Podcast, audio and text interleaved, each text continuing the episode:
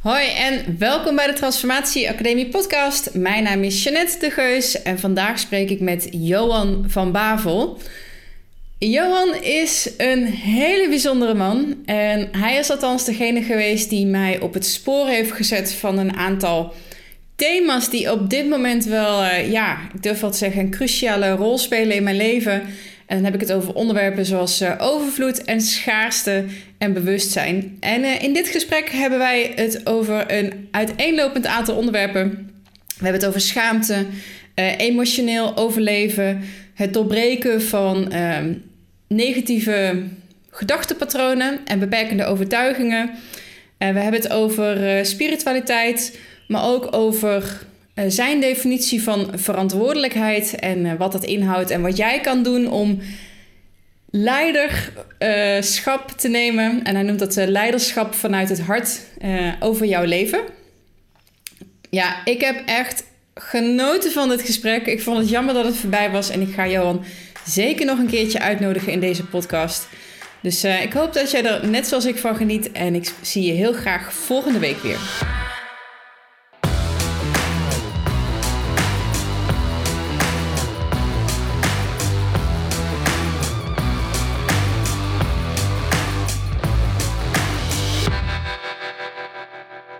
Voordat we naar de gast van deze week gaan, wil ik graag nog even onze sponsoren in het zonnetje zetten, want dat verdienen ze. En de eerste was Love Fit Food. En ben je nou op zoek naar een manier om ja, wat lekkerder in je vel te komen zitten, eh, meer energie te hebben? Zijn er misschien ongemerkt wat kilootjes bijgeslopen die er weer af wil halen? Of heb je wat lichamelijke ongemakken, zoals een opgeblazen buik bijvoorbeeld? Uh, waar je graag van af wil, dan kan het heel erg zinvol zijn om eens een, um, een 30 dagen reboot te doen. En um, dat is wat de Fitfood 30 biedt. Dat is 30 dagen volgens de uh, Fitfood richtlijnen eten. En dat is 30 dagen vooral geen honger lijden. Uh, maar wel leren hoe je volwaardige maaltijden vast kan stellen. Waar alle voedingsstoffen in zitten die je nodig hebt. Waardoor je dus ook geen last meer hebt van uh, trek tussendoor of suikercravings. En ik weet echt dat er heel veel goeroes en programma's zijn. En dat iedereen zegt: uh, doe wat wij zeggen en je zult het lichaam krijgen waar je van droomt. Weet je, ik geloof daar niet in. Waar ik in geloof is dat uh, ieder lijf is uniek en iedere behoefte is uniek en iedere doelstelling is uniek. En jij moet erachter zien te komen wat voor jou werkt. Um, en wat voor jou werkt, kijk, er zijn een aantal soort van basisrichtlijnen die, uh, die ik jou kan geven waarmee je kan starten.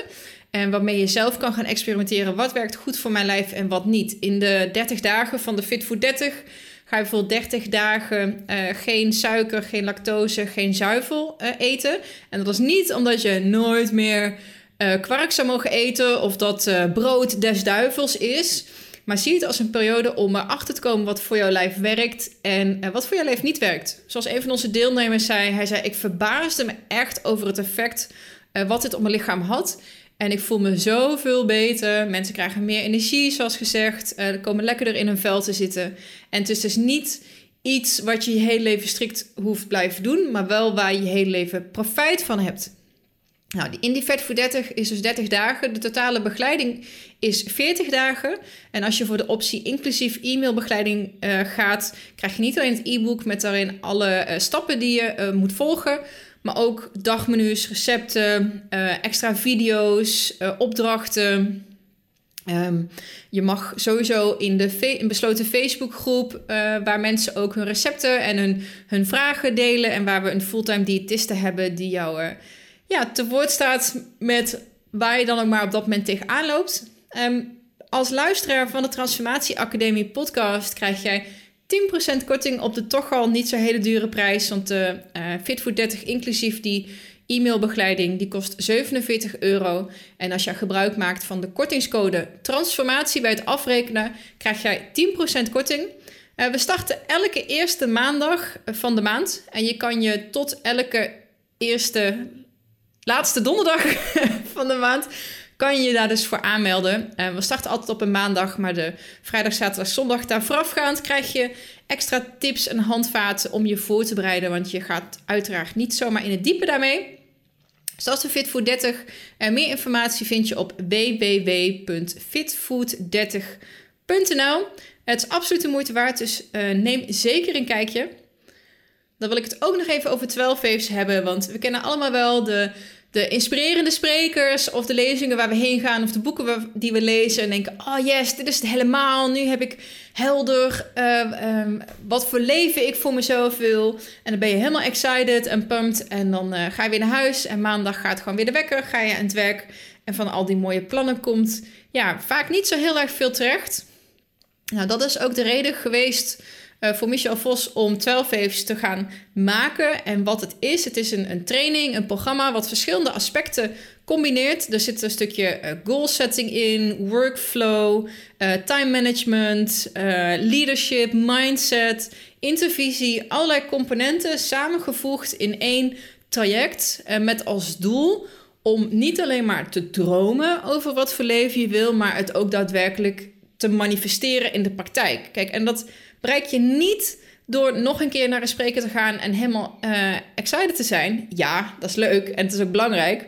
Uh, maar je moet het ook gewoon uh, toe gaan passen. En hoe zorg je dan voor dat, ja, dat het in jouw agenda komt en dat het dus ook daadwerkelijk gebeurt? Nou, dat is wat 12 Waves doet. En dat is ook wat het voor mij heeft gedaan. Want de reden dat het een sponsor is van de podcast is omdat ik er zelf echt onwijs fan van ben. En niet alleen fan, maar ook dat het voor mij ja, alles waar ik nu sta, wat ik heb bereikt in de afgelopen eh, twee jaar, uh, komt grotendeels ook doordat ik die strategieën heb toegepast.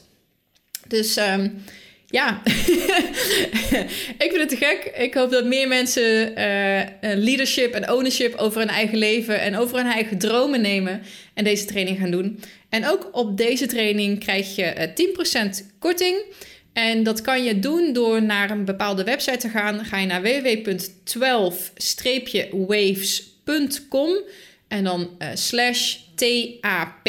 En dat is van de Transformatie Academie podcast uiteraard.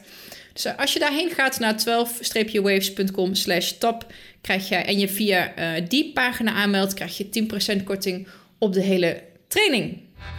Johan, dankjewel dat ik in je mooie huis mag komen. En dat ik net een lekkere lunch voor jou heb gekregen. Graag gedaan. En uh, ja, dat je met mij deze podcastopname wilde doen.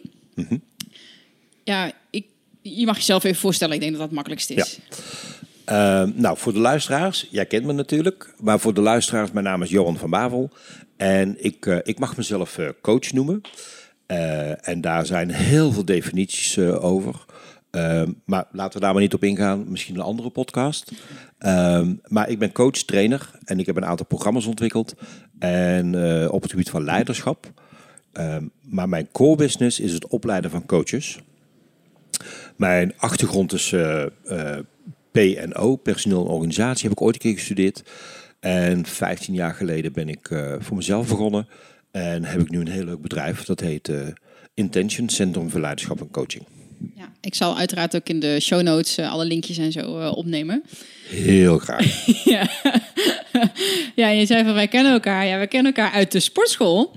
Volgens mij. Ik denk dat dat Klopt. de eerste ontmoeting uh, yep. was. Breda SC. Um, en ik heb bij jou een van jouw coachingsopleidingen gedaan.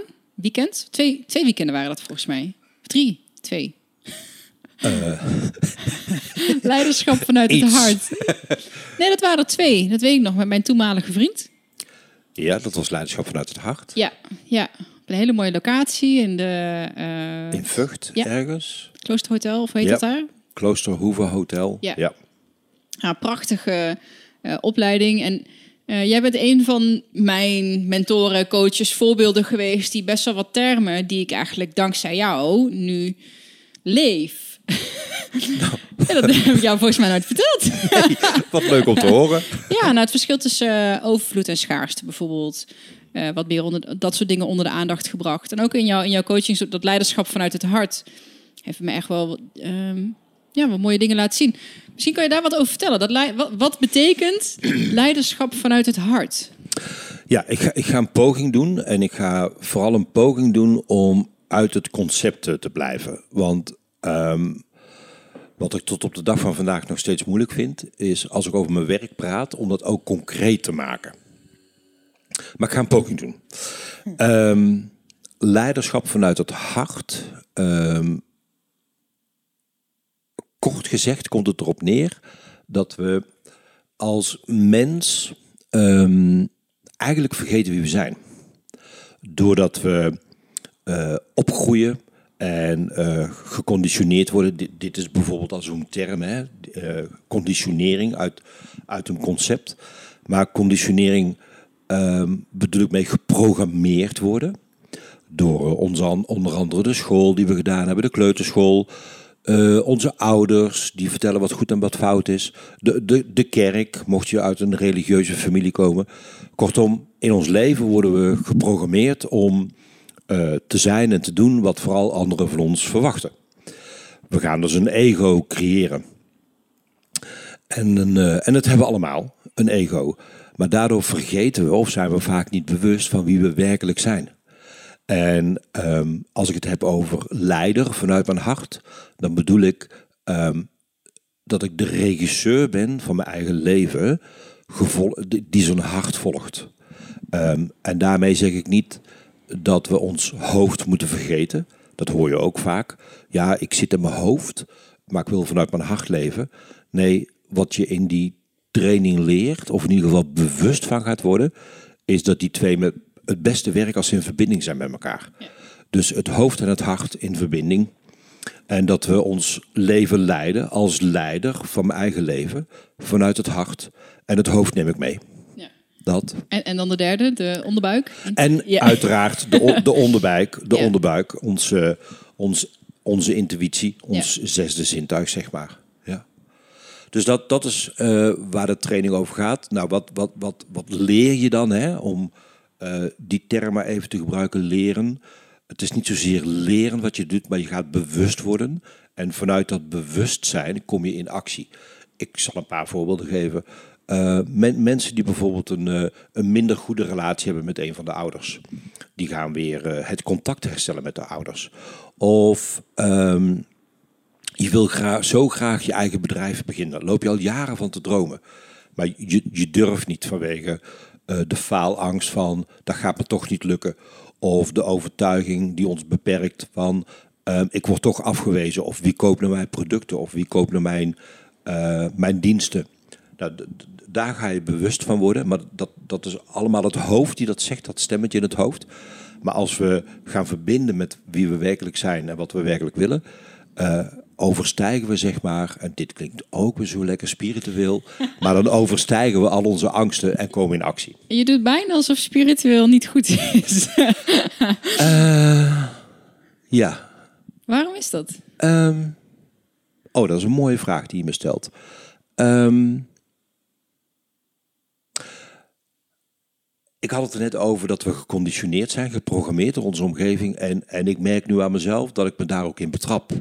Dat mijn omgeving ook vaak zegt van spiritualiteit is, eh, ach, dat is, eh, dat is wazig, dat is op een tapijtje zitten, een kaarsje erbij.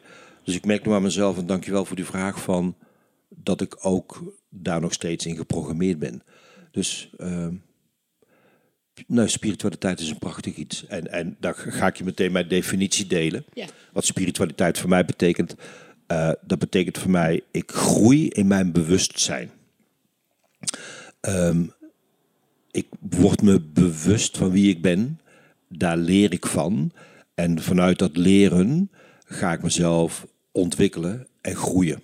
Dat betekent voor mij spiritualiteit. En dat daar een, eh, eh, een wierookje bij komt kijken. Of je gaat lekker op een tapijtje zitten. Of eh, je, je kleurt je huis met paars licht. Dat, dat, is allemaal prima. Dat mag erbij horen als symbool. Want het leven staat vol van symboliek. Eh, en symboliek is mooi.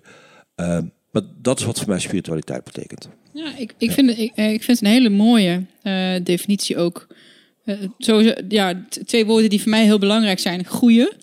Eh, dus ja, niet stilstaan. We kunnen ook niet stilstaan. We staan denk ik nooit stil. We zijn continu eh, in verandering. Maar verandering omhoog. Niet zozeer. Dus dat vind ik, en maar ook het be- bewustzijn, gewaarzijn. Ehm, ik vond het heel leuk wat er net gebeurde. Dat jij zei van, oh, ik betrap mezelf op mijn conditionering. Ehm, ik heb wel eens gesprekken met mensen en je zei net ook ego, van hè, weet je wel, eh, ego is niet slecht. Mensen denken van ja, als je dan spiritueel gaat doen, dan overstijg je je ego of dan heb je geen ego meer nodig. Maar ego is dat stukje conditionering. En volgens mij het enige waar je denk ik goed in wordt, is dat je heel snel in gaat zien van... hey, dit is even een conditionering die aangaat. En ik weet niet Ja. of je ze... Ja, natuurlijk wel met psychedelische middelen bijvoorbeeld, weet je, wel, dat zijn toeltjes om die connecties minder sterk te maken. Maar het feit dat je er zelf dus eigenlijk zo snel op kan ja, betrappen, wil ik bijna ja. zeggen. Dat is natuurlijk ook niet helemaal, maar Ja. ja, Vangen. Catch, de, de, Vangen, Eng- de Engelse ja. taal is soms zo mooi. Catch yourself. Ja. Jezelf daarin vangen. ja. En eh, om hier mooi op in te spelen over, over ego en daar nog even over terug te komen. ehm, en dat koppelen aan spiritualiteit. We zeggen inderdaad vaak we moeten loskomen van ons ego.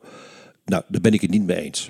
We, we hebben een ego en mijn definitie van ego is een aangenomen identiteit. Het is een, een, een identiteit eh, die ik aangeleerd heb vanwege de conditionering.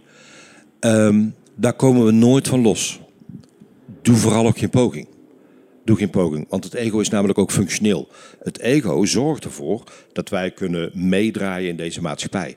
En daar leven we nu eenmaal in. Echt. En als je dat niet wil, dan moet je naar een onbewoond eiland. Maar we leven hier en la- laat ik het vooral En lekker... ook op dat onbewoonde eiland hebben we gewoon een ego. Ja, precies. Maar, maar dan, dan kun je jezelf, dan kun je geconditioneerd worden door je eigen ego. In je eentje. maar laten we het lekker lokaal houden Ja. hier in Nederland. Eh, als je wil meedraaien, eh, en daarmee bedoel ik niet in de kudde meegaan, maar als je wil functioneren vanuit je eigen filosofie, in deze maatschappij heb je een ego nodig. ja. Ehm, punt. En spiritualiteit ehm, en groei en bewustzijn, be- groeien in mijn bewustzijn, betekent voor mij dat ik me bewust ben, ah, het gedrag wat ik nu vertoon is ego gestuurd. En wat voor effect heeft dat op anderen? En welke keuze maak ik nu om misschien ander gedrag te vertonen? Gedrag meer vanuit mijn hart, meer vanuit zelf, meer vanuit mijn persoonlijke integriteit in plaats van ego. Nou, waarbij het een niet goed is of fout, eh, laten we vooral die termen niet gebruiken. Ehm, maar jezelf daar bewust van zijn, ja, dat vind ik fantastisch. Dat vind ik fantastisch. Van, ik kies er nu voor, ik ben mij nu bewust en ik maak een bewuste keuze om gedrag te vertonen ego gedreven of gedrag te vertonen hart gedreven. Dat is voor mij leiderschap. Ja. En eh, dat, ja, dat klinkt heel makkelijk. Ik weet dat dat ook niet altijd zo is. Yep. Als je kijkt naar weerstand bijvoorbeeld, of ehm, ja, hele hardnekkige patronen. Want een van de redenen voor mij om deze podcast te beginnen ook, is ook- wel die zoektocht. Hè, Aan de ene kant staan we van, ik weet wat ik, eh, hoe ik nu ben en ik weet waar ik naartoe wil. Waarom is het zo moeilijk om dat te overbruggen? Ja, ehm, da- dat is een hele mooie vraag die je stelt. En daar heb ik geen panklaar antwoord op. Ik heb er wel een, ja, jammer hè. ik heb er wel een gedachte bij. En ehm, het volgende. We, we, ehm, we- we worden geboren als, als kind. En dan worden we geboren in de ideale situatie, die ik nu even beschrijf, ehm, van eh, eh, heel, compleet, met alles erop en eraan. Een, voorbeeld, sommige mensen zeggen van zichzelf van, ehm, ja, maar ik, ik ben geen spontaan persoon. Nou, daar geloof ik niet in. Want als ik dan de vraag stel, oh, dus jij bent geboren zonder spontaniteit? Eh, nee. Oké, dus wat maakt dat je nu niet spontaan bent dan? Wie heeft jou dat verteld? Dat je niet spontaan bent? Eh, ja, dat, we- dat weet ik eigenlijk niet. Wie, nou, in, in ieder geval, we, we hebben van die overtuigingen van onszelf. Ja. Ik ben dit niet, ik ben dat niet. Eh, of als ik dit doe, dan eh, word ik afgewezen.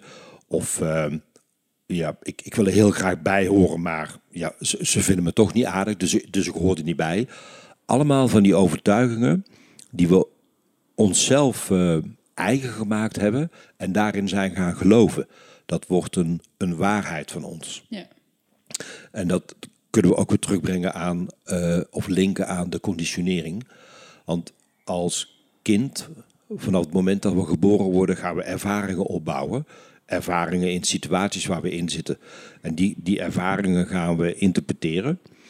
En vanuit die interpretatie eh, ga- ga- gaan we dus een gevoel erbij krijgen.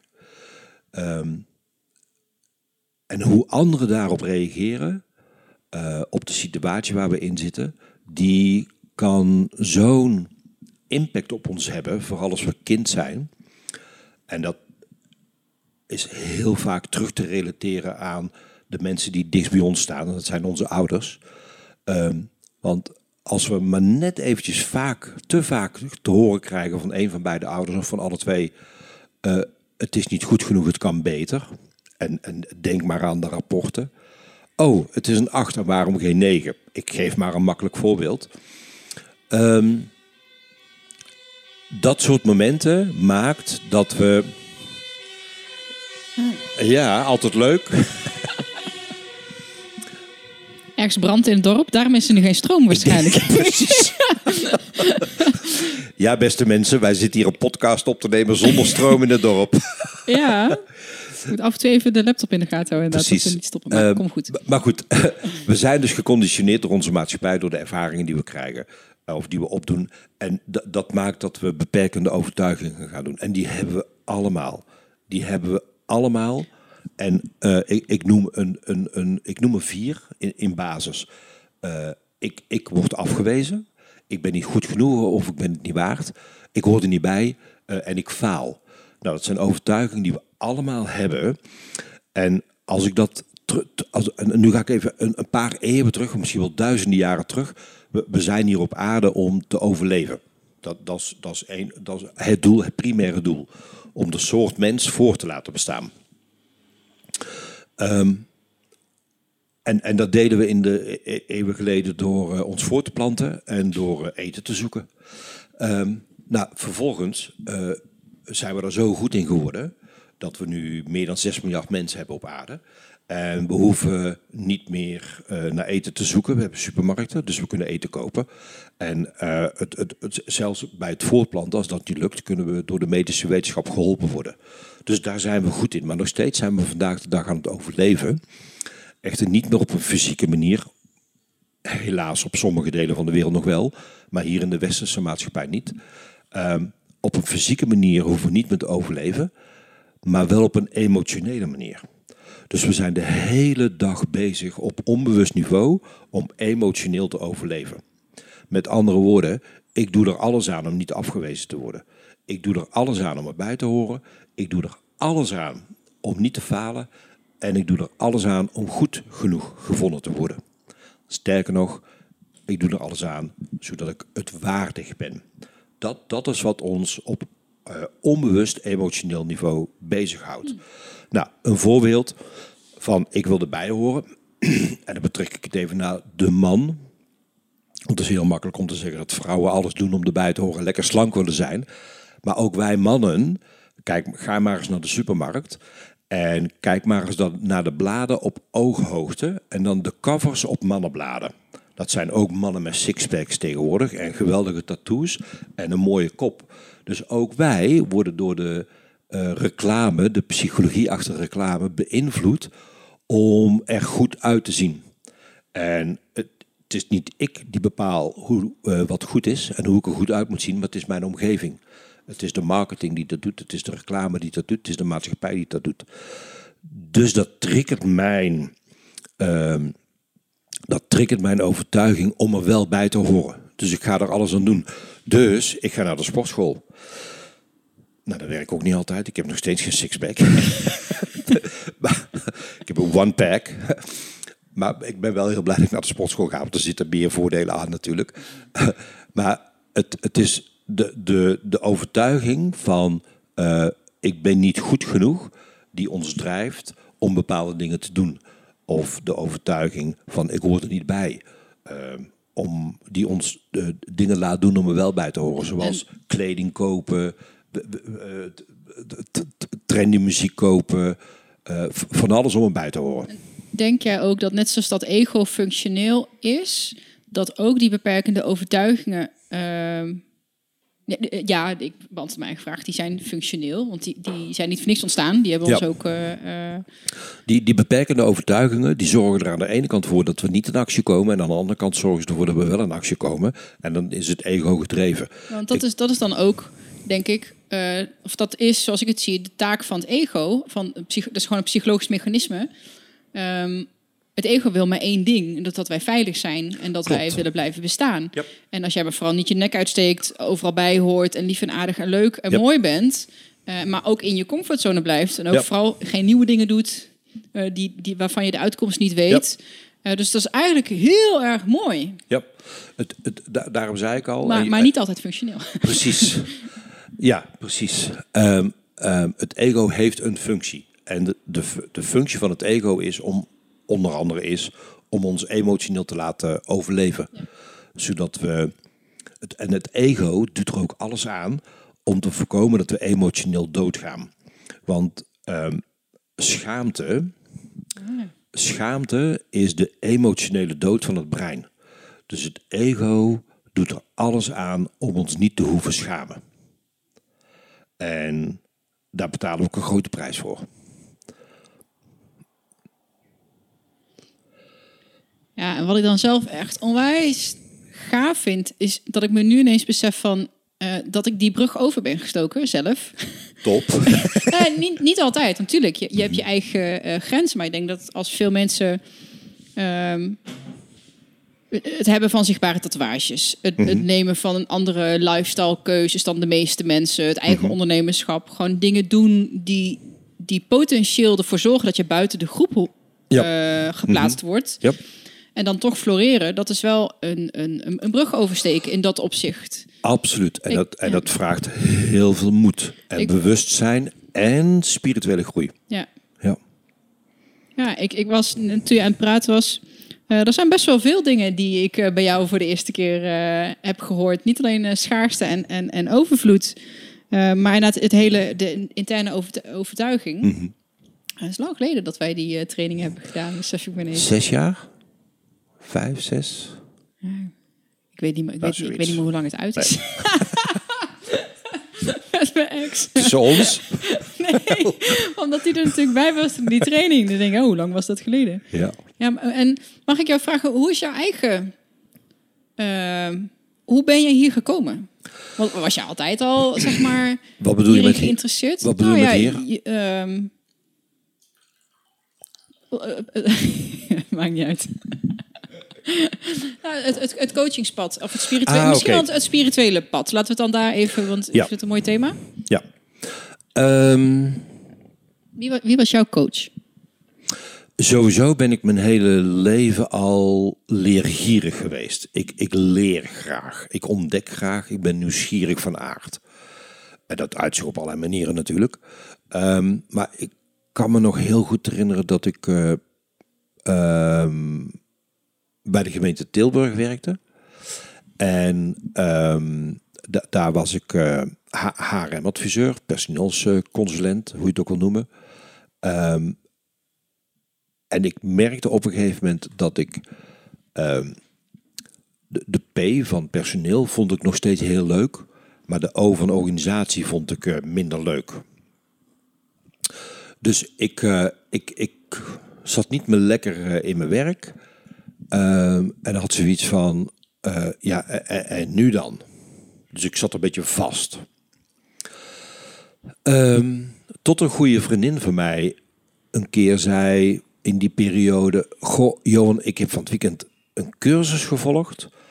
En ehm, die is zo gaaf. Die moet jij ook gaan doen. Ik zeg: Hoezo? Vind je dat ik problemen heb dan? Dat zei ik letterlijk. Oh, fantastische reactie Nou, nee, zegt ze. van de Ehm, oude Johan. Ja. nee, zegt ze. ehm, maar bij mij is in ieder geval 10.000 kilo van mijn schouders opgevallen. Ik zeg ja, en? Ik kon dat gewoon helemaal niet plaatsen. Ik snapte ook helemaal niet wat ze bedoelde. Dus ik eh, kapte dat gesprek af. En ehm, eh, een tijdje later begon ze er weer over. En nog een keer. Tot ik op een gegeven moment dacht van... hmm, nou, ehm, volledig omdat ik jou vertrouw, ga ik die cursus volgen. En iets in mijn achterhoofd zei ook van, dan ben ik in ieder geval van het gezeur af. Dus ik ben die training gaan volgen. En dat was een, eh, een vierdaagse training en die ging, over eh, persoonlijke bewustwording, persoonlijk leiderschap, effectief leiderschap, hoe je het ook wil noemen. En ik kwam in die zaal en eh, eh, eh, ja, dat was een beetje goeroe-achtige omgeving. Eh, Tony Robbins, ken je die? Ja, zeker. Ja. ja. Eh, nou, een zaal vol met mensen en dan komt Tony Robbins, die komt op. Het was ook Tony Nee, nee, Robbins. nee. Oh, oh Nee, ja. nee, maar het zou hem zomaar kunnen zijn. Of bijna. Maar daar komt dus een man op met zoveel charisma. Ik hing aan zijn lippen. En het was een Amerikaan. En zijn naam is Jeff Cosby. En ehm, nogmaals, ik hing aan zijn lippen en ik dacht... Oh, dat wil ik ook. Ik wil ook dat werk gaan doen. En in één keer, en hier, komt dan weer zo'n lekker concept, zag ik het licht. en, en ging er voor mij een kwartje vallen, wat ik dus minder leuk vond in mijn werk. Ehm, dus ik, eh, na die trainingen heb ik eh, de vervolgtraining eh, gevolgd. Ben met Jeff in contact gekomen.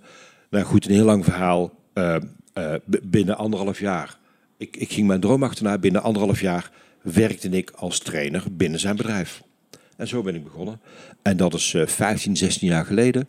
En 14, 15 jaar eh, geleden ben ik dus mijn eigen bedrijf gestart. Nog een lange tijd eh, samen met eh, Jeff gewerkt. Ehm, en, en helaas, hij is nu al jaren in eh, China aan het werk. Eh, tot op de dag van vandaag nog steeds mijn mentorcoach. Ehm, als ik ehm, vastzit, is hij eh, een van de eerste waar ik aan denk om eh, daarmee contact te zoeken. Ja. Dus zo- is het eh, begonnen. Een vriendin die zei van, ik heb een cursus gevolgd, dat moet jij ook gaan doen. En dat ik zei, nou, hoezo? Heb ik problemen dan? en om van het gezeur af te zijn, ben ik die training gaan volgen. En op basis van eh, vertrouwen wat ik had Je hebt haar. hopelijk die vriendin later wel bedankt, hè? Z- Oh, zeker. zeker. ja, ja, absoluut, absoluut. Ja. En eh, ja, zo kan een balletje rollen. Ja. Ehm, en en eh, waar ik het aan persoonlijk aan te danken heb, is mijn eigen leergierigheid. Want iets in mij wilde dat toch wel. Maar gewoon totaal niet bewust, ook onzeker van ja, wat brengt me dat? Ik plaats het in de problematiek, ik plaats het in de therapeutische zin. Ehm, ehm, spirituele ontwikkeling, wat ik net zei, hè, over eh, kaarsjes en eh, tapijten. Dat, is hoe ik het plaatste. Dus er, is veel gebeurd eh, in de goede zin van het woord de afgelopen 15 jaar. Absoluut. En ik ben heel blij. Nou, blij is niet het goede woord. Ja, ik ben ook blij. Eh, maar vooral dankbaar dat ik het. eh, eh, dat ik hierin kan samenwerken met andere mensen. Ja. Ja. Ja, want jij leidt coaches op. waaronder mijn, mijn voormalige businesspartner, Maaike. Ja. Eh, is een van jouw top protégés, denk ik. Mag ik denk ik wel zo Zeker. zeggen. Ja. Ik ben trots op haar. Ja, ja. die doet het echt heel. eh, dat zie, wat je in het voorgesprek ook zei, die heeft echt de passie, denk ik, gevonden. Ja, ja, super, zeker. Super tof. En waar ik nog op terug wil- eh, wilde komen, want we, we hadden namelijk even een afslag. Ehm, die, die beperkende overtuigingen. ehm, ik merk het zelf ook. Nou, bijvoorbeeld de psychologie van het eten vind ik eh waanzinnig fascinerend. Maar ook mensen verder helpen, ook in bedrijfsleven met business coaching, life crafting. Eh, mensen zien vaak wel de overtuiging die ze hebben. Zo van, oh ja, ik weet dat ik nu in het stukje zit van Ja. je bent niet goed genoeg. Maar het is heel moeilijk om vervolgens daar een ander patroon aan te hangen. Ja. Of Nou. om het dan toch te veranderen. Ja, en het begint eh, bij. eh, ik, ik begrijp heel goed wat je bedoelt. Ik ben ook helemaal met je eens. Want het is niet alleen zien. Nee. Eh, Je moet ook, ja, Het is. Mensen zien iets. Ehm, mensen zien of merken hun gedachten. Maar ze hebben de eerste stap in het, bewustzijn, in het, diepere bewustzijn nog niet gemaakt. En dat is van, oh, dit, dit, dit is wat ik nu denk. Aha. En de tweede stap is, aha. Dus dat beperkt me hier en daarin. Dat is er nog niet. Ehm, en dat, dat heet dus bewust eh, bewustzijn en groeien erin. Met andere woorden, ik zal je een voorbeeld geven. Ehm, eh, vanuit mijn, mijn werk, mijn achtergrond, vanuit het PNO-vak, ehm, ehm, gebruiken we veel de term eh, competentie. De, de competentie is Ja. een- is een vaardigheid. Oh, en nu trouwens ook nog in mijn eh, coachesopleiding, de, de coachingscompetenties.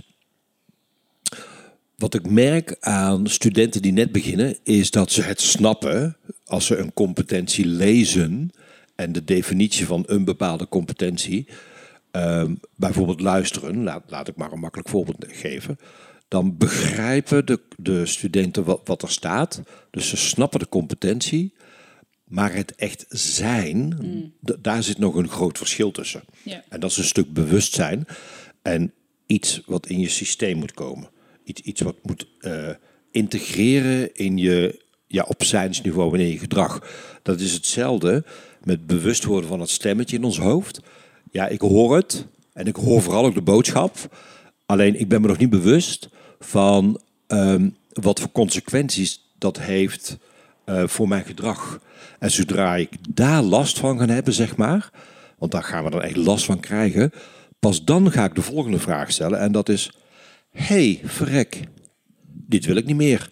Maar hoe nu anders? En daar zit een cruciale vraag en een keuze die iemand maakt. Ik, ik hoor wat mijn stemmetje zegt. Ik voel het nu ook. En ik ben me bewust van de prijs die ik betaal, hè, de, de consequenties. Ik wil het niet meer. En ik kies om het nu anders te doen, maar hoe? Nou, en zodra we op, op het punt staan van en hoe nu anders, en we hebben die keuze gemaakt, dan gaat er een hele wereld open van mogelijkheden wat je dan anders zou kunnen doen. En dat is niet op zondagavond bedacht en op maandagochtend wakker worden van verrek, wat ziet mijn leven er anders uit. maar dat, dat is een proces. Ja. Dat is een proces. En, ehm, ja, en ook hier kom ik weer terug op eh, spiritualiteit. Dat is ook weer bewust worden van wie je bent, wat je doet en je groei daarin. Ik vergelijk het wel eens met krachttraining. Kijken ja. naar een barbel. In de ene kant dan heeft het zelf, maar van kijken en van eraan denken, eh, word je niet sterker. Het is continu. En elke keer denk ik, elke keer weer als, als ik merk dat ik zeg maar opgeslokt word door die eh, mijn gedachten. Als Ja. ik niet bewust ben van het feit eh, dat ik dat niet ben. Eh, elke keer als ik mezelf weer terugfluit of daar bewust van ben, heb ik die barbel één keer opgetild. Ja, Zo zie ik het dan maar. exact. Ja, En daar ligt de groei. ja. Absoluut. Een hele mooie vergelijking. Ja. Want, en, en, en op de gym, op de sportschool gebeurt ook veel eh, wat uh, psyche gestuurd is. Hè? En dat is een hele mooie metafoor die je maakt. Want ehm, ik kan niet voor anderen spreken, maar ik, ik denk 9 van de 10 keer wanneer iemand de gym instapt, is niet alleen om er eh, beter, anders, krachtiger, mooier, vitaler uit te zien of te voelen, maar worden we gedreven door een beperkende overtuiging, vaak. En dat is de een van, eh, ik, nou, ik ben niet goed genoeg of hoort er niet bij. En daar zitten heel veel sub-overtuigingen onder. Bijvoorbeeld eh, te weinig zelf, of een gebrek aan zelfvertrouwen, zelfverzekerdheid. Of, nou ja, goed, bedenk maar wat. Ehm, en, we denken dat dan op te kunnen lossen op de gym. Want als ik er sterker uitzie, dan ga ik me verrast ook, voor- vooral ook sterker voelen. En heb ik vast veel meer zelfvertrouwen. Het draagt zeker bij. Het draagt zeker bij. Maar het is veel meer dan dat. En blijf vooral naar de gym gaan. Want er gebeuren heel veel mooie dingen. Ook op mentaal niveau. Maar het is niet alleen de oplossing.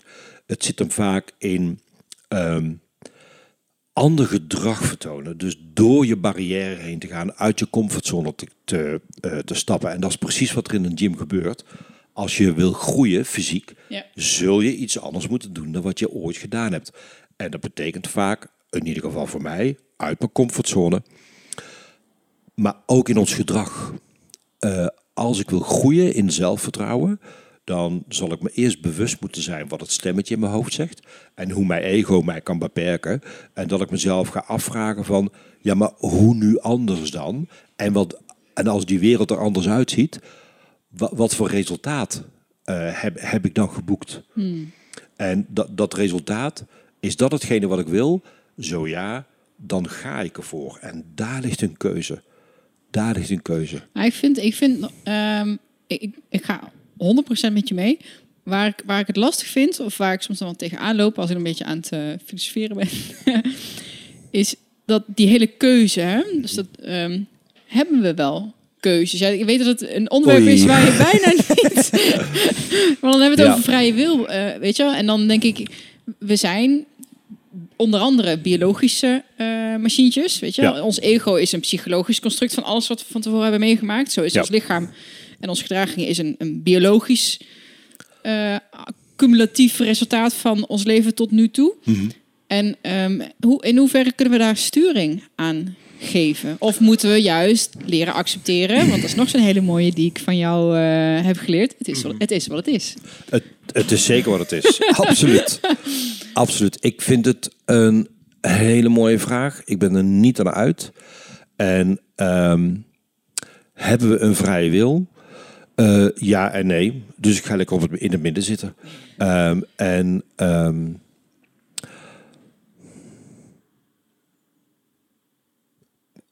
vanuit de biologie gezien denk ik niet dat we een vrije wil hebben. En zijn we een eh, geprogrammeerd geheel. Ehm, maar ik denk dat we als mens zo ver geëvolueerd zijn. dat, eh, dat zien we ook trouwens in ons fysiek, onze hersenen. Wij zijn ooit begonnen met eh, 0,8 kilo. Of 800 gram aan herseninhoud. En nu is dat geloof ik alle kilo meer, 1,6 of 1,8. Dus dat betekent dat ons denkvermogen is eh, ontwikkeld. Dus wij zijn echt ehm, andere mensen dan in de oertijd. Eh, niet op DNA-niveau, maar ehm, we hebben wel een groot denkvermogen ontwikkeld. En als we het over ons denkvermogen hebben, dan denk ik dat we keuze hebben.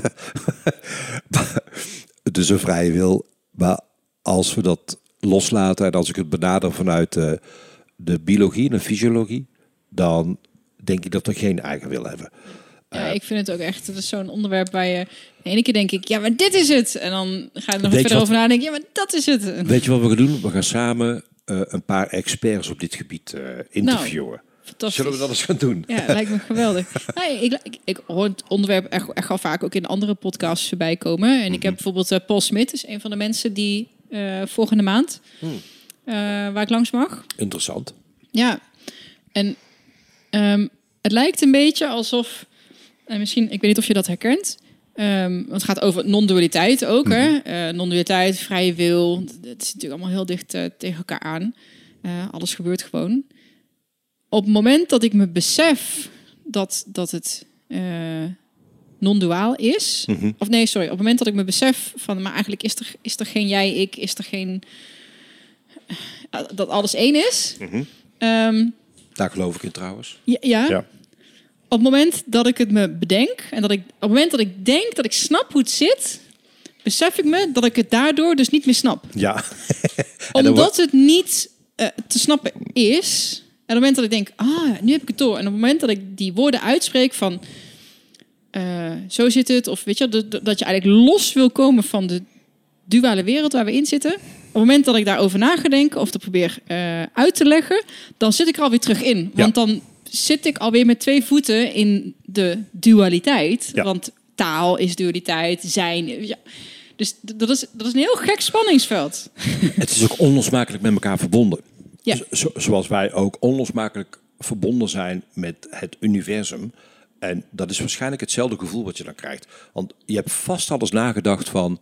hoe ziet nou het universum eruit en waar is dat eindig? Dat is gewoon niet te begrijpen. Dat, en en ehm, het is echt ver achter ons voorstellingsvermogen. Dus ik, ik stop er dan ook automatisch mee om dat te willen snappen. Want I, I just don't get it. Nou, kortsluiting. Ja, Ja. ja. precies. En dat, is een beetje hetzelfde gevoel. ehm, ja, wat jij nu eigenlijk beschrijft. Hè, van non-dualiteit en dualiteit en een spanningsveld ertussen. Ehm, ik, hoe, hoe ik het voor mezelf ehm, probeer te verklaren, dan ga ik naar de kwantumfysica. En, en de, de, de, de essentie daarvan is dat alles energie is. Ja. En eh, je, je kunt eh, YouTube, eh, je kunt films bekijken, boeken lezen, waarin ik geloof in de overtuiging. Oh, nee, ik geloof dan in de kwantumfysica dat, dat al- alles trilt en alles is energie. En bijvoorbeeld staal het heeft een, is, is- trilt heel weinig, maar ons lichaam trilt heel veel. Eh, want de intermoleculaire ruimte eh, tussen onze cellen is vrij groot en in staal is die minim- minimaal. Maar dat, we, dat alles trilt en dat alles dus energie is, daar geloof ik wel in. Ehm, en in die zin zijn we allemaal met elkaar verbonden. Dus wat wij nu aan het doen zijn, heeft nu ter plekke invloed op onze omgeving. Du- Dus iets is er nu gaande. En eh, ook dat hoort bij bewustzijn en spirituele groei. Dat bij alles wat ik doe, ook op energetisch niveau, alles wat ik doe heeft impact op anderen. En als we ons daar bewuster van worden, ehm, kan ik dus bepalen, en hier kom ik weer terug bij keuze, kan ik dus bepalen van welke positieve of misschien wel negatieve invloed heb ik op mijn omgeving. En hoe stuur ik daarin? Met andere woorden, ga ik een verschil maken in de wereld? Of hou ik het in stand? Of ga ik het nog verergeren? Nou, daar hebben we een paar prachtige voorbeelden van in onze omgeving. Bijvoorbeeld eh, Nelson Mandela, eh, Gandhi, eh, Martin Luther King. Dat zijn mannen geweest, ook moeder Teresa. Mannen, vrouwen geweest die zich bewust zijn, zo enorm bewust en zo enorm bewust van hun ego, wat ze steeds parkeren, ehm, om een verschil te maken in de wereld. Wat ik trouwens echt ook onwijs interessant vind, maar misschien dwalen we dan af, is dat ik eh, steeds vaker ehm, dat er bijvoorbeeld open wordt gepraat over dat zel- zelfs die mensen hebben een schaduwzijde. Absoluut. Dingen gedaan Ja. voordat ze. eh, ik kan even de, de concrete voorbeelden zo niet, niet eh, voor de geest Nou, halen, maar allemaal. Nelson Mandela had bijvoorbeeld een minder goed huwelijk. Laat ik, laten we het daar maar op houden. We- Maar er zijn bijvoorbeeld ook boeddhistische leraren met een, ehm, ik weet, volgens mij leeft hij niet meer, met een alcoholverslaving Ja, of met seksverslaving. ja. Weet je? Of inderdaad Ja. mensen die eh, voordat ze eh, op de, dit pad gingen. En ehm, dat is misschien ook al wat, dat, dat, ehm, dat kunnen omarmen, dat wij dat alle twee zijn. Volgens mij is dat ook Jung die daar eh, voorvechter van was, wat dat Mhm. over geschreven heeft. We hebben een schaduwkant en daar moet je Ja. niet voor weg willen lopen. Eh, dat omarmen, en dan kom je Ja. weer bij het is wat het is. ja. Dat je dat juist maakt dat je daar eh, niet door meegevoerd wordt. ja.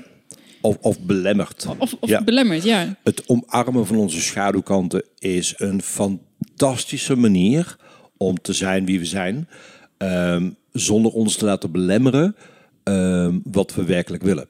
En om ehm, eh, twee actuele voorbeelden te geven dat we allemaal een schaduwkant hebben. die negatief kan uitpakken. De MeToo-beweging, hoe heet die regisseur ook alweer? Of die, die, die man in de filmwereld? Ja. Ik kijk geen televisie. Maar, dus en- ik ben en- oh, oké. Nou, ik, ik ben zijn naam kwijt in ieder geval. Maar een eh, regisseur, het is niet eens een regisseur, het is een filmproducent, die, ehm, die, die vooral meisjes heeft eh, verleid Hmm. eh, om op die manier eh, eh, beroemd te kunnen worden in de filmwereld. Maar ook Bill Cosby. Die, ja, die, dat, die- dat, dat heb ik die serie ken je ja. wel, denk ik, hè? En, en Louis C.K., een Ja. van mijn grote Ja. Helden, ja. Ja, nou, op, op die manier hebben we allemaal een schaduwkant. Ehm, en in hoeverre we ons daartoe laten leiden, heeft dat een negatieve impact op Ja, ik denk steeds meer ook, denk, oké, dat je daar ook wel gewoon in mag gaan hangen. En je er juist niet voor moet schamen. Mhm. Maar dus ja, we zijn gewoon mensen. En ehm, Nou, ja, los, ehm, ja, tot, tot, beperk, tot een bepaalde hoogte, denk ik. als Maar, we geen schade aanrichten bij ja, anderen. precies. Ja. Dat is, ja, ja. Ja. Ehm, dat zou helemaal eens. Ja. Ehm, het, het hoort er namelijk bij. Ja. En daar zijn we allemaal verschillend in. Maar wat ik, eh, want ik, ik, weet dat je het heel graag ook over verantwoordelijkheid en keuzes wil hebben. De pet, pet peeve. ja, ik vind dat, ik vind dat, als ik nou bijvoorbeeld kijk naar, oké, bijvoorbeeld mijn eigen struggles. Mhm. Voeding. Is, dat is Ja. en blijft gewoon, ehm, Same wise. Er is een reden Ja. waarom ik dat zo onwijs fascinerend vind. Omdat het, en het gaat zo tot in de kern. Dus bijvoorbeeld op momenten dat je geen honger hebt, toch eten. Of op het moment dat je keuze hebt tussen twee opties, dat je dan toch voor de ongezonde keuze, eh, optie gaat. Maar Mhm. beide is denk ik hetzelfde eh, onderliggend principe. Ik heb zo'n gedachte, um, een urge. Het is bijna een soort van verslaving. Nou, ik heb bijvoorbeeld gisteravond eh, zelf dan bijvoorbeeld een... eh, nou ja, ik kan het wel als een soort eetbui eh, bestempelen. Ik heb die nog steeds eh, af en toe. Ehm, en denk ik, wat is dit toch voor raar systeem wat hier gaande is? Want alsof die urge het logische soort van overroelt. En, en ik dan niet een soort van halt toe kan roepen. En dat eh, wat jij net zei van oké, ehm, ik wil dit niet meer en hoe nu anders. Dat dat zo, zo sterk is. Maar ik kan ook niet precies dan zeggen wat dan exact. Maar dat geeft denk ik maar weer hoe sterk we geconditioneerd zijn. Ja. En hoe moeilijk het is ook om daar een soort van ruimte in te vinden en te zeggen: nee, ik maak nu een andere keuze. Ja. Eens, eens en vooral herkenbaar. Ehm, en ik denk dat het een chemisch proces is. Een chemisch proces in de hersenen zo sterk dat we daar geen controle meer over hebben. Ik denk dat het. ehm, het is de associatie die we maken. De associatie van eten is troost. Of eh, chocolade maakt gelukkig. Ik denk zelfs nog sterker dan associatie. Ik denk dat het gewoon een hormonaal fysiek ding is waar je geen invloed op hebt. Precies, maar dat, dat is dus weer een gevolg van die associatie. Want het begint bij de gedachte. De gedachte, en dat, dat, dat maakt dat niet iedereen daar last van heeft, om het zo maar even te zeggen. Want sommige mensen vinden chocolade niet lekker bijvoorbeeld. Dus die maken die associatie ook niet. Die maken niet de associatie chocolade maakt gelukkig. Ehm, ik, ik heb dat bijvoorbeeld met wijn. Kaas. Kaas. dat weet ik toevallig. Ja, kaas en wijn. Lekker En, en, trouwens. ja. en een worstje erbij. De, eh, de associatie die ik daarbij heb is eh, gezellig. En gezelligheid is ontspanning. En ontspanning is eh, rust. En rust geeft, brengt mij geluk. Dus dat zijn een aantal- associaties die ik maak. En dat bij elkaar opgeteld ga- gaat er dus in mijn hersenen... en hormonen worden gestuurd vanuit mijn hersenen... iets gebeuren, een chemisch proces gaat dan plaatsvinden...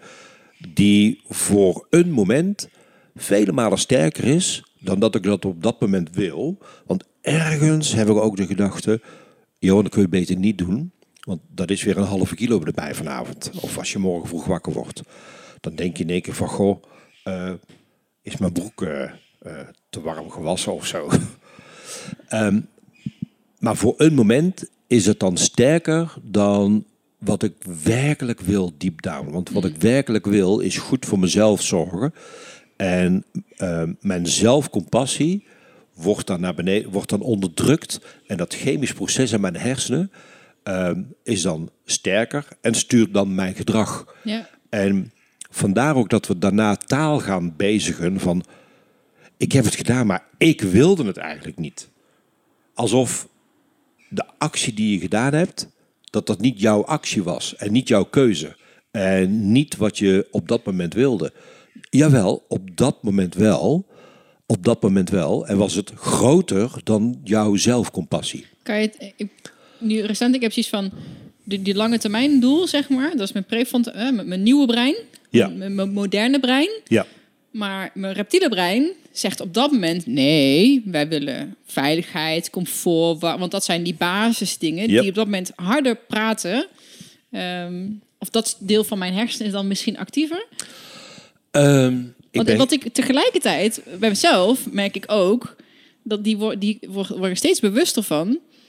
Ehm, maar bijvoorbeeld, vanochtend zat ik te ontbijten en dan zit ik eigenlijk al vol, of Mhm. 80% Dat je denkt van, nou, eigenlijk heb ik nu gegeten, maar het schaaltje is nog niet helemaal leeg. ja. En ergens denk ik ook, nou, ik, doe, ik, eet, ik eet het maar op. Het Ja. kan er nog wel bij. Het is niet dat ik moet kotsen of zo. Ehm, dan eet ik straks wel wat minder. ja. Dat, voor me uit, eigenlijk is dat de essentie van niet in het hier en nu zijn. Want als ik helemaal in het hier en nu zou zijn, zeg ik, nou, nu heb ik genoeg. Ja. Nu kan ik wel stoppen. En dit, dit is een pracht, klopt wat je zegt en ook herkenbaar deze, maar dit is een prachtig voorbeeld van hoe we geconditioneerd zijn. Want wat maakt dat jij, en dan ga ik het even niet invullen, maar wat maakt dat je niet stopt? Wie, wie heeft ooit jou wat verteld? Ja, dat is wel helemaal duidelijk. Maar dat zijn alle ouders van mijn generatie. Je moet verdomme je bord leeg eten. Bordje leeg eten, Ja, precies. want eh, je weet niet wanneer je weer de volgende maaltijd krijgt. Feitelijk. Exact. Zo zijn zij weer opgevoed. Eh, Exact. En in ja. de oertijd, wat wisten we toen? Alles wat er nu is, Ja. nu naar binnen werken. ja. Want morgen, of misschien de komende drie weken, kom ik geen wild zwijn meer tegen. Dus, dus dat is het, het geprogrammeerde hersenendeel om fysiek te kunnen overleven. Maar de conditionering die daaraan bijdraagt, dat we veel meer eten dan dat we willen, is dat in ieder geval mijn ouders ook hebben. hey, pas van tafel af als je bord leeg is. Oh ja. En, en dan heb ik niet eens hetgene wat op een bord ligt, heb ik niet eens zelf opgelegd. Hebben ook nog eens anderen, in dit geval ouders voor mij gedaan. Alsjeblieft, eten. En bij mij was het zelfs zo. En als ik te veel had opgeschept. Ja, je ogen waren weer eens groter dan eh, je mond. Leer het maar. Nou, dat leer je echt niet. dat kan ik nog steeds niet. No way, no way. Maar ook dat stukje van, eh, dat vind ik wel heel interessant. Van ik, ik haal het straks wel weer in. Dat heel Ja. erg niet, en dan hebben we het over verantwoordelijkheid weer. Dat Ja. heel erg eigenlijk niet verantwoordelijkheid nemen in het hier en nu. Maar Ja. het afschuiven naar een toekomst. Nou, ik ga morgen wel weer trainen. Vol- morgen eet ik wel weer anders. Of straks, of whatever. Ja. Ja, dat is uitstellen. Dat is uitstelgedrag. En dat wil ik niet zozeer linken aan eh, verantwoordelijkheid. Ehm, en ik snap dat jij dat woord nu wel gebruikt. Ehm, en misschien wel een mooi bruggetje om daar wat dieper op in te gaan. Ja, ik wil wel graag weten hoe, wat, hoe jij verantwoordelijkheid ziet. Ja. Ja. Want jij zegt ehm, op dat moment niet de verantwoordelijkheid nemen. Maar kun je verantwoordelijkheid nemen? Kun je het ook weggeven? Want dat zeggen we vaak in onze talen. Ehm, ik neem de verantwoordelijkheid of ik geef je de verantwoordelijkheid. Dat is eigenlijk best wel raar. Want stel nou, nou la- laat ik jouw telefoon nemen. Die is best belangrijk voor je. Hè? ja. Die is heel belangrijk. Ons leven zit Je mag ook niet te dicht bij de snoetjes houden, heb ik van Oh, mijn oké. eh Nou, in ieder geval- gehoord. In ieder geval, ik leg hem weer terug. ja. Eh, jou- jouw telefoon, die heb ik nu in mijn handen. En stel nou dat jouw telefoon het begrip verantwoordelijkheid eh, vertegenwoordigt. En ik geef jou nu de verantwoordelijkheid. Ik heb hem dan niet meer. Toch? ja. Ja. Ehm, en als ik die telefoon weer terugneem, dan neem ik de verantwoordelijkheid. Dan heb jij het niet meer. Dus dat betekent dat een van ons twee in dezelfde situatie nu verantwoordelijk is voor iets. Klopt dat? Denk Kun je, me, het. kun je me nog volgen? Ja, ja, zeker. Ehm, en nu in dit specifieke geval, in, in, in het opnemen van deze podcast, zou dat dus kunnen betekenen dat een van ons twee verantwoordelijk is voor de podcast. Toch? Nee, we zijn samen verantwoordelijk. Ah, oké. Want we, maken, we creëren dit moment met z'n tweeën. Oké, heel goed. Heel mooi. Je, je, dit, dit- we gaan de goede richting al op. Dus we, we zijn nu samen verantwoordelijk. Ja, Dus ik heb de verantwoordelijkheid en jij. Dus we kunnen die nu niet aan elkaar geven. Toch? ik, ik kan jou de verantwoordelijkheid van de podcast, kan ik jou nu niet geven, zeg je. nou, het concept podcast is niet wat er in... De, wat, ja, oké. Maar, Nee, maar vertel de- verder. Ja. de- de- het, het resultaat. Het resultaat. Ja. Dus straks eh, stoppen we met dit gesprek. Ja. En dan eh, is er iets opgenomen en dat doen we een podcast. Het komen tot de podcast. Wie is de verantwoordelijkheid is dat? Die van mij. Nee. We gingen ergens. We zijn weer terug bij af. Die is niet van jou. Die is van ons samen. Oh, toch wel? Oké, ja, ja, die is van ons samen. Maar wat, wat maakt dan dat we taal bezigen over, du- eh, over dualiteit en non-dualiteit en hoe taal daar zo belangrijk in is? Ehm, dat we de taal bezigen van dit is jouw verantwoordelijkheid en dit is de mijne. Ik geef jou deze verantwoordelijkheid en ik neem hem. Of het is niet mijn verantwoordelijkheid, het is de jouwe. Wat, wat maakt dan dat we die taal bezigen? Alsof het iets is wat we eh, aan kunnen trekken en af kunnen stoten. Geen idee. Ik wel. Vertel. Zal ik dat, zal ik dat vertellen? Ehm, ik denk namelijk dat verantwoordelijkheid, dat hoe we dat begrip gebruiken, dat er heel veel misvattingen in zitten. En nou, laat ik het er eerst maar even over hebben, over de misvattingen. En daarna ho- hoe ik het zelf zie. Ehm, en laat ik eens een voorbeeld bedenken. Ja, twee weken geleden. Nou, jij kijkt geen tv, eh, maar op het journaal... Maar je weet wel van de MH17, hè? dat weet je wel. Dat vliegtuig dat naar beneden is Oh, geschoten. dat is een paar jaar geleden, toch? Een paar jaar geleden. Ja, Ja, oké, ja, ja, een paar jaar geleden. Ik denk al, is er weer een vliegtuig? Nee, nee, nee. ik schrok al. Gelukkig niet. nee, maar een paar jaar geleden MH17 boven. Oekraïne.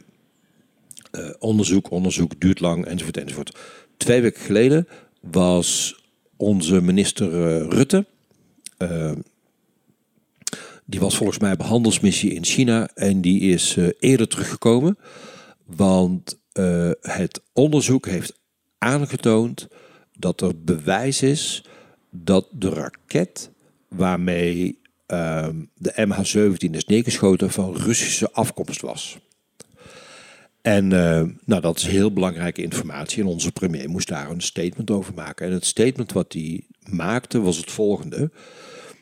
Hij houdt Rusland verantwoordelijk voor het neerschieten van het vliegtuig. Wat zegt hij dan eigenlijk? Wat zegt hij van Rusland is verantwoordelijk voor het neerschieten van het vliegtuig? Dat, dat het vliegtuig zelf daar geen aandeel in had. Dat die vrij is van schuld. Ja, precies. Ja. Wie heeft dan wel schuld? Rusland. Rusland, precies. Dus hij zegt, het is de schuld van de Russen, Ja. in zijn algemeenheid, hè, de Russen. Het is de schuld van Rusland dat dat vliegtuig naar beneden gehaald is. Maar hij zegt, het is hun verantwoordelijkheid. En dat is een misvatting die heel vaak gebruikt wordt. Want hoe vaak zeg je wel, zeg jij, ik, eh, andere mensen, ja, dat is, niet, dat, dat is niet mijn verantwoordelijkheid hoor. Met andere woorden, dat heb ik niet gedaan. Dat is niet mijn schuld. Toch? Ik ben daar niet, ja, ik ben niet verantwoordelijk voor de uitkomst. Ik ben niet ze. precies, ik ben niet verantwoordelijk voor de uitkomst. I'm not to blame. Ja. Dat is wat we vaak zeggen. Maar dat heeft niets met verantwoordelijkheid te maken. Oké. We zeggen ook vaak, en nu, nu in dit, dit geval van de podcast, hè, wat er net gebeurde, dat jij zei, eh, ik ben verantwoordelijk voor deze podcast. Wat je eigenlijk bedoelde te zeggen, het is mijn taak om dit nu te regelen technisch. Ja. En dat die podcast komt. Dat, dat is iets wat ik doe. Ja. Dat is mijn taak op dit moment. Maar het is jouw en mijn verantwoordelijkheid om dit tot een goed resultaat te brengen. En dat jij de interviewer bent en ik ben de geïnterviewde, dat zijn verschillende taken die we hebben. Dus het is jouw taak om dit technisch in orde te krijgen, mij te interviewen. En op dit moment is het mijn taak om eh, eh, antwoorden te geven op de vragen die je stelt. Dat, en, en te delen wat ik wil delen. Dus taak wordt ook vaak eh, als misvatting gebruikt binnen eh, het begrip verantwoordelijkheid. Zo ook plicht. Ehm, het is jouw plicht om te doen. Ehm, of je hebt de verplichting om dat te doen. Dan zeggen we ook vaak van, ja, maar het is, het is jouw verantwoordelijkheid om dat te doen. En, en, en nog zo'n leuke, ehm, bi- binnen een team waar een leidinggevende op zit, zeggen we ook vaak van, ehm, ja, maar jij, jij beste, beste baas, beste leidinggevende, jij, jij bent eindverantwoordelijk. Wat, wat zegt iemand dan eigenlijk? Als ik tegen jou zeg, jij bent eindverantwoordelijk voor alles wat hier gebeurt binnen dit team. Wat zeg ik dan? Dat, jij daar geen, dat die andere daar geen aandeel in heeft. Dat ik geen aandeel heb. Ja. En dat ik kan doen wat ik wil. Ik kan er een zoortje van maken, want jij bent toch eindverantwoordelijk. Ja. Dus het resultaat van het team, waarin we allemaal een aandeel in hebben, is onze, is onze verantwoordelijkheid. We zijn allemaal verantwoordelijk. Allemaal. Maar wat we bedacht hebben binnen een hiërarchisch team, is dat we iemand aanwijzen als Jan Joker, die de lul is. En om dat een beetje goed te maken, krijgt hij een paar honderd euro meer. En die noemen we dan leidinggevende. Te gek voor woorden, toch? En als ik... Ik loop daar zo... Ik word daar zo vaak mee geconfronteerd eh, binnen teams. Als ik eh, teams ga coachen in het bedrijfsleven, dat ze met z'n allen naar één persoon gaan zitten kijken. Ja, dat is de baas. Die is eindverantwoordelijk. Die, die verdient namelijk een paar honderd euro meer dan wij. Ik hoef het niet te doen.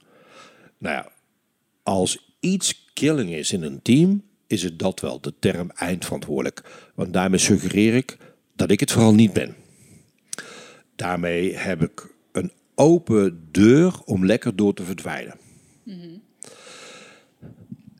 En ik, er, is helemaal niks mis met schuld. Het is, het is eh, goed dat we eh, schuldigen aanwijzen.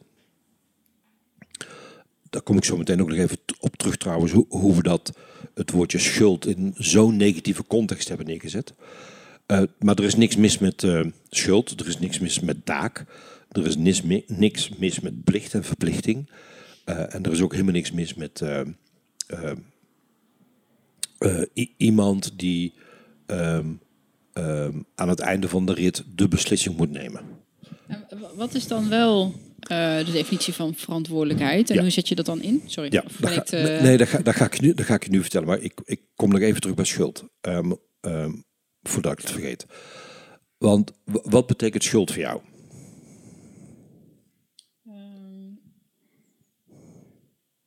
in, in, welk, kan je in, in welke context bijvoorbeeld? Het, het woord. Ehm, eh, het is een, ne- een negatief woord wat, Ja. wat mij eh, ergens van beschuldigt. Precies. Schuld, ja. Ja, exact. Beschuldigd. Ook dat al. Hè? Ja, dat, dat, is, dat, zit, dat is niet de definitie van schuld, want dat is beschuldigen. Dat is gewoon de, het, Iemand fout maken. ja, I- i- ja. tegen iemand het impliceert, vertellen- het impliceert een negatieve uitkomst w- waar jij voor accountable wordt gehouden. Precies. Dus tegen iemand vertellen dat die persoon iets niet goed gedaan heeft. Ja. En, ehm, eh, en daar moet een prijs voor betaald worden. En dat betekent dat jij vijf jaar het gevangenis in mag. Nou, dat. Ehm, onder andere. Maar het heeft een negatieve lading. Maar schuld, in mijn beleving, is niks meer of minder dan... ik ben oorzaak van iets. Ik, ik, ik, ja. ik, ik ben de aanleiding van iets. Ik ben de oorzaak van iets. Maar we zullen nooit tegen elkaar zeggen van... het is jouw schuld dat we gisteren echt een onwijs leuk feest hebben gehad. Dat is niet wat te zeggen. Dat is wel wat er gebeurt. Want jij hebt een feestje georganiseerd. Jij bent de oorzaak daarvan, je- de aanleiding. En dat is hartstikke leuk en positief. Maar dat zeggen we niet. Nee, dan zeggen we dankjewel. Maar zodra het negatief is, dan gaan we er echt een issue van maken. En daardoor doen we er ook alles aan om niet schuldig te zijn. Want als ik, me, als ik schuld heb of ik voel me schuldig, ga ik naar een plek van schaamte. Schaamte is een van de eerste emoties die naar boven komen, die we ervaren als we schuldig zijn aan iets. Nou, en daar straks hebben we over gesproken. Wat doet Emotioneel doodgaan. Precies. het brein doet er alles aan om te Ja. voorkomen dat we emotioneel do- doodgaan. Dus Ja. geen we willen geen schaamte ervaren. Dus blijven we weg van de plek van schuld. Dus hebben we bedacht van, ja, hey, dat is jouw verantwoordelijkheid. In plaats van, hey, ik ben schuldig aan wat hier gebeurd heeft, of, of plaats heeft gevonden. Of jij bent schuldig wat hier heeft plaatsgevonden. Maar dat heeft zo'n negatieve lading. Dus pakken we het begrip verantwoordelijkheid er maar weer even bij. Nou, Ik zit met ik zit heel v- verantwoorden. Eh, verantwoording, dus eh, redenen geven waarom iets gebeurt. Dat is eh, verantwoordelijkheid. Eh, iets- iets- nou, dat is weer iets anders. Oh, Oké, sorry. Eh, jezelf Wil je niet van je spoor brengen? Nee, oh, dat, dat mag hoor. Dat mag. We gaan lekker dansen. We schieten alle kanten op. Ehm, verantwoording afleggen is meer uitleggen waarom dat je Ja, iets gedaan precies hebt. dat. Ja. En verantwoording Tekst en uitleg geven. tekst en uitleg geven. Ja. En dat ligt heel dicht tegen schuld aan. Want als je bijvoorbeeld naar een rechtbank moet, dan, mag je, dan word je opgeroepen om jezelf te verantwoorden voor iets wat je gedaan hebt. Dus daar zit ook weer een negatieve klank in. Maar verantwoordelijkheid, en ik ga je nu mijn, mijn definitie geven. Ehm, en die, die, die is geïnspireerd op eh, het gedachtegoed van Stephen Covey en vanuit het eh, boeddhisme. Eh, verantwoordelijkheid betekent voor mij, ehm, ben me bewust van de situatie waar ik in zit, eh, de middelen die ik heb en de keuzemogelijkheden. Dus ik ben me bewust van de situatie waar ik in zit, de middelen die ik heb tot mijn beschikking en de keuzemogelijkheden. Dat is voor mij verantwoordelijkheid. Dat geeft mij energie. Want dat betekent dat ik ten alle tijden er iets aan kan doen. Altijd is er iets dat ik kan doen. Ik kan reageren op. Met andere woorden, ik hoef geen slachtoffer te zijn. Ik kan kiezen om er iets aan te doen. Want ik ben mij bewust van mijn uh, omgeving, de situatie waar ik in zit. Ik ben mij bewust van de middelen die ik heb op dat moment in het nu. En ik ben mij bewust van mijn keuzemogelijkheden. En die maak ik dus ook. Dus ik kan iets doen. En iets niet doen is ook een keuze. Uh, ik lever input of ik lever geen input. Maar in ieder geval, ik maak een bewuste keuze gezien de situatie en de middelen die ik heb tot mijn beschikking. Met andere woorden, ik kan ook denken, ik kan er niks aan doen. En dan ben ik slachtoffer. En dat vreet energie.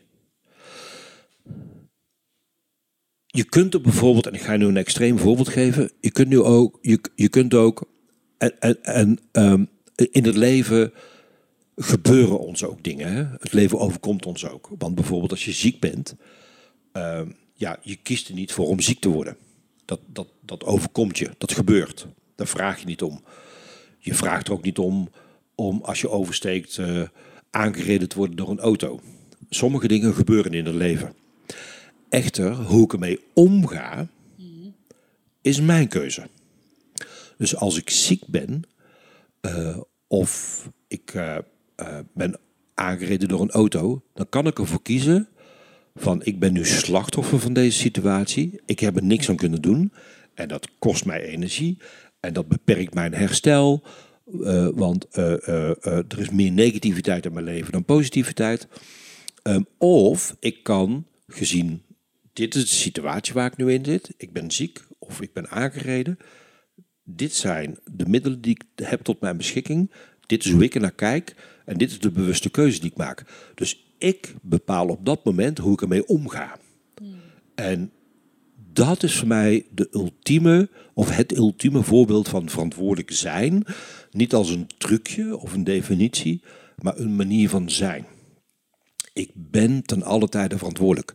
En als ik dat zeg tegen mensen, tegen mijn studenten in het coachingsvak, dat we als mens 24/7 verantwoordelijk zijn, de eerste reactie is van, nou dat kan niet. Dat, dat kan gewoon niet.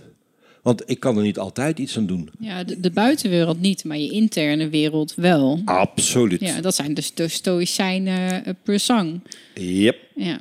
ja. Want als ik tegen jou zeg, jij bent altijd verantwoordelijk, dan gaan die hersenen die gaan in de weerstand.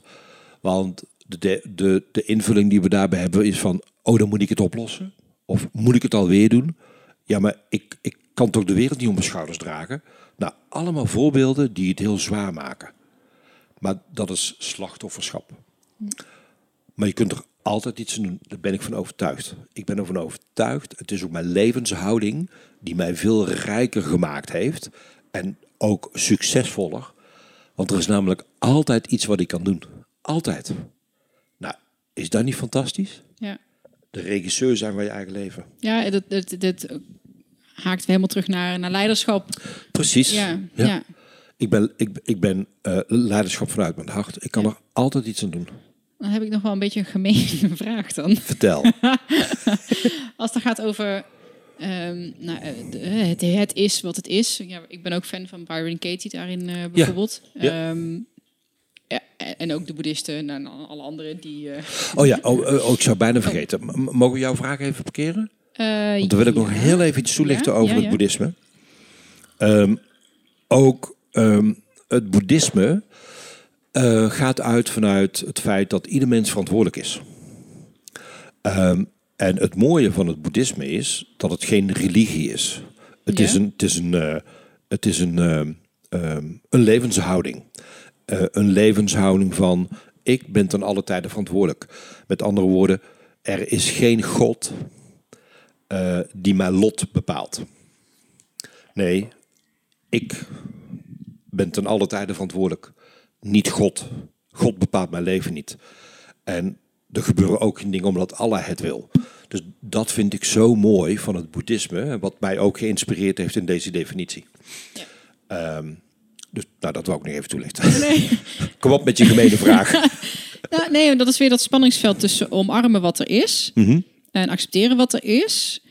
Ehm, nou, bijvoorbeeld eh, tevreden zijn met je lichaam, even in- Mhm. Ja. eh, of tevreden zijn met je baan, of Ja. Mhm. met je whatever, iets, iets wat. ehm,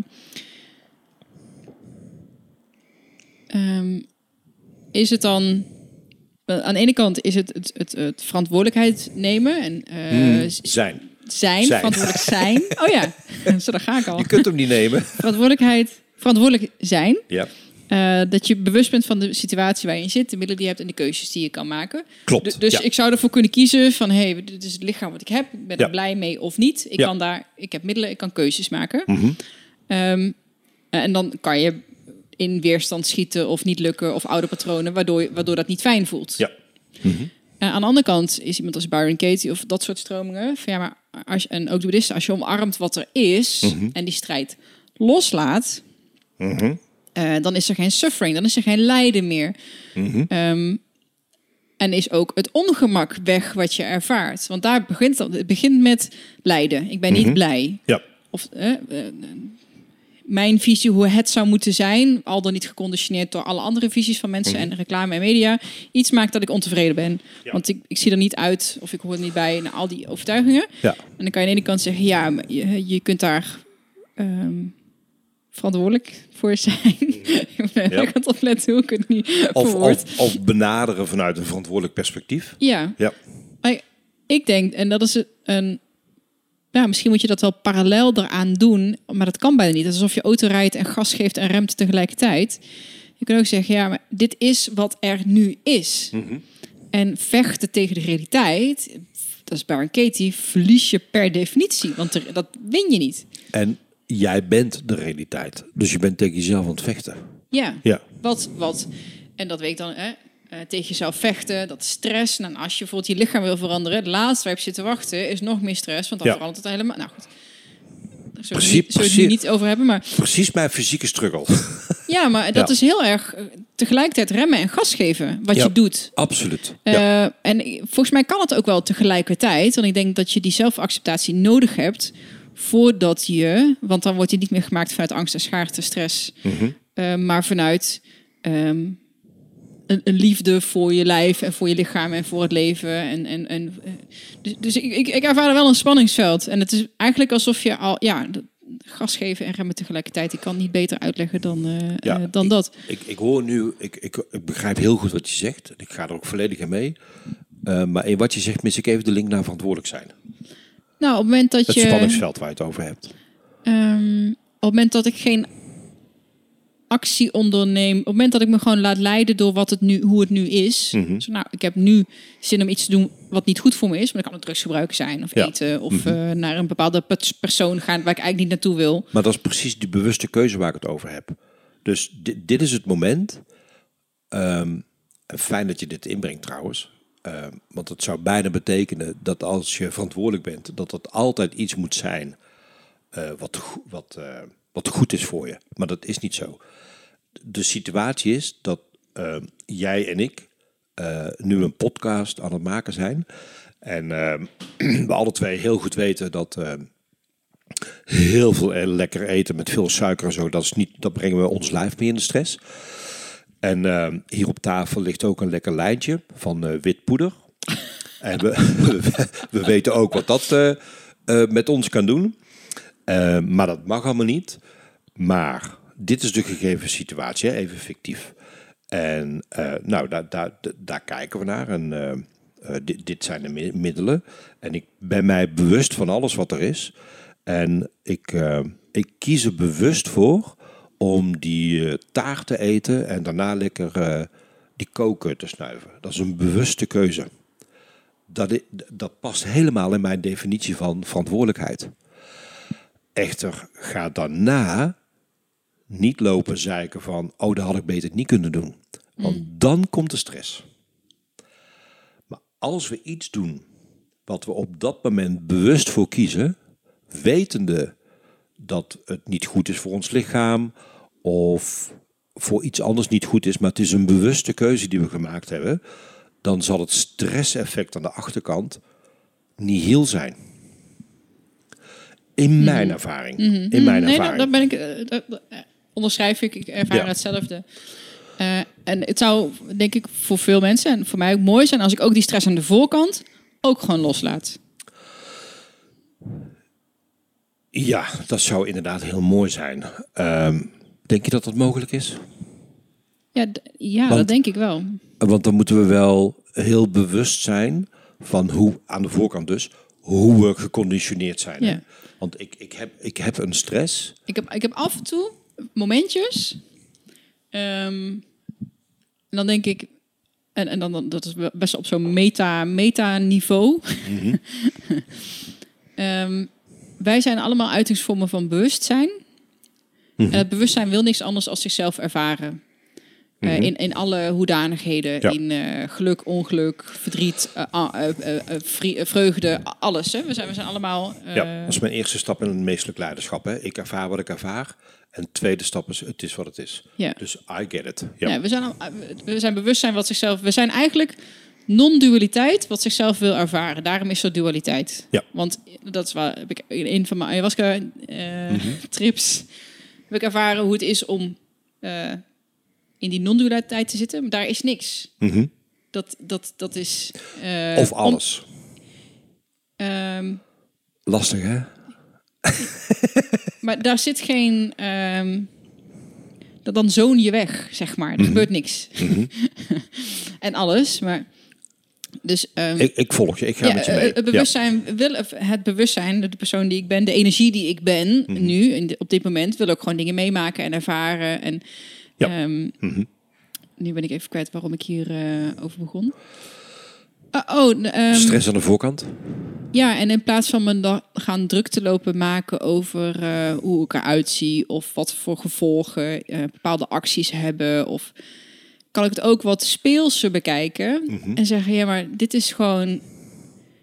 Don't take it so seriously. Ja. En ehm, het is wat je zei, die conditioneringen waar we nu in zitten, die zeggen je moet op een bepaalde manier zijn, maar ik ben gewoon zoals ik ben. ja. Prachtig. En wat ik wil daar dus niet, ik wil daar gewoon.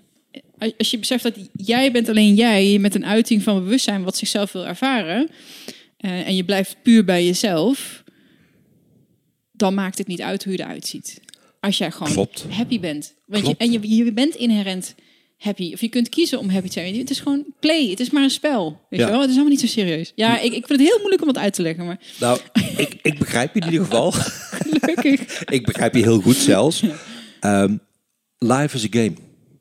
Ja, en ons ego, weet je wel, die gaat allemaal, oh, ik ben niet goed en overzichtig. En, en, en, en laatst had ik een date, weet je wel, vond ik heel erg spannend. En dan zit ik in de auto naartoe en dan, oh, en als er dit gebeurt en dat gebeurt en oeh, eh, eh, weet je wel. En ons loop ego. stressen Precies. door ons ego. Zal ik ook eens zeggen, maar wacht eens even. Relax, Ja. ontspan. Het is gewoon, het, is een spel. Het is, dit, dit is gewoon, Enjoy have the fun, enjoy the ride. Exact. Leun achterover, mentaal. Eh, want het gebeurt toch wel. Absoluut. Dus je kan beter gewoon achteroverleunen en erin genieten. En het is gewoon eh, iets wat zichzelf wil ervaren. Ja. En het universum, en dat hoort er wel bij. Het universum is een positieve plek. Yep. Het universum is voor mij, niet tegen mij. Klopt. Dus op het moment dat ik dat, dat het stress aan de voorkant, zeg maar, als ik dat dan gewoon laat varen, Ja. al die vooroordelen en die wensen en, en, en die schaamte en taboe en stress, hey, Ja. dan wordt het relaxed. En voor, voor mij is dat de essentie ook wat de boeddhisten eh, je bij proberen te brengen. En ook heel veel stromingen die zeggen, ja, je bent niet je gedachten. Want dat, dat zijn die...